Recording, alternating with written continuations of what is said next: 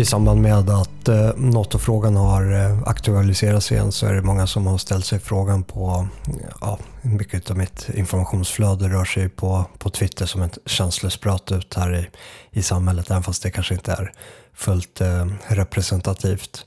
Men det är många i alla fall som frågar sig varför vi inte har en eh, nordisk försvarsallians och det är någonting som jag tänkte jag ska försöka gå in på här eh, lite på djupet och ge primärt utifrån tre olika infallsvinklar till eh, varför vi inte har det. Eh, oberoende av eh, den uppkomna situationen som eh, pågår just nu. Och eh, som jag ser det så är det då primärt eh, de här tre, tre anledningarna till varför vi inte har ett sånt fungerande självständigt samarbete över gränserna inom den, den nordiska regionen.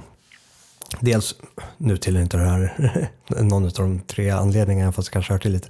Dels så kan det vara svårt att definiera vad Norden är, för det är en eh, kulturgemenskap, en identitet, ett folk, eh, den geografiska ytan och eh, vilka länder som tillhör där.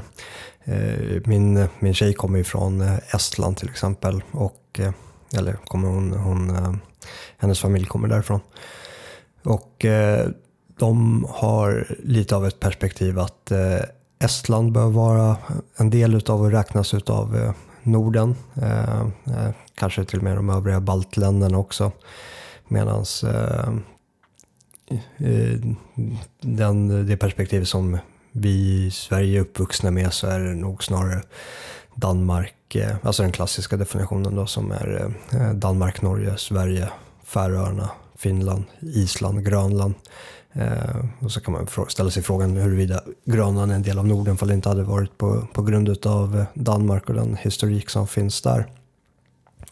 Och sen så har vi en starkare språkgemenskap i, eh, med länderna i eh, Danmark och Norge än vad vi faktiskt har med det land som står oss närmast när det kommer till de här frågorna, då, eh, Finland. Även fast vi har en starkare historik till, till Finland då det har varit en en, eh, vår östra rikshalva under en längre tidsperiod än vad Finland själva har varit eh, självständigt. Men, men det, var, det var ett litet eh, sidospår som vi kanske halkar in på lite mer. De tre primära anledningarna som, eh, som eh, vi, vi ska ta i beaktande är eh, stormaktspolitiken, de eh, historiska erfarenheterna och den eh, strategiska analysen. Alltså med strategisk analys kan man ser det som eh, man ställer sig frågan hur ser världen ut utifrån eh, eh länsen av eh, respektive betraktare. Alltså hur betraktar Norge världen? Hur ser Danmark ut på världen? Hur ser Sverige ut på världen? Och eh, där kommer också de här säkerhetspolitiska målen in över hur man betraktar eh, världen och eh, vilka medel, metoder och eventuella samarbetspartners man ska ha för att eh, hantera den eh, omvärldssituation eh, som man, eh, som man befinner sig i. Och eh, där kan man ju prata om både i objektiva termer, alltså vad som är faktiskt mätbart, men även subjektiva upplevelser. För pratar vi säkerhetspolitik så är det ju att man hanterar en eh, upplevd eller faktisk eh, hotbild. Och eh, när man tar hotbilder i beaktande så kan man ju prata primärt om två aspekter eh, vilja och förmåga.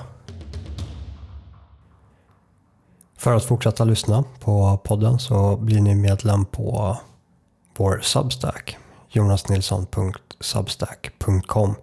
Det här är absolut det smidigaste sättet att stödja vår produktion på. Tidigare har vi varit en helt donationsbaserad kanal. Det gick inte riktigt runt ekonomiskt så vi lägger en liten eh, barriär för att eh, säkerställa att vi får in de ekonomiska medel vi behöver för att eh, kunna fortsätta. Och det här är det absolut smidigaste sättet att göra det på samtidigt som vi ger tillbaka lite exklusivt material för de som faktiskt eh, är med. Vi syns bakom kulisserna på jonasnilsson.substack.com. Och så hörs vi till nästa avsnitt.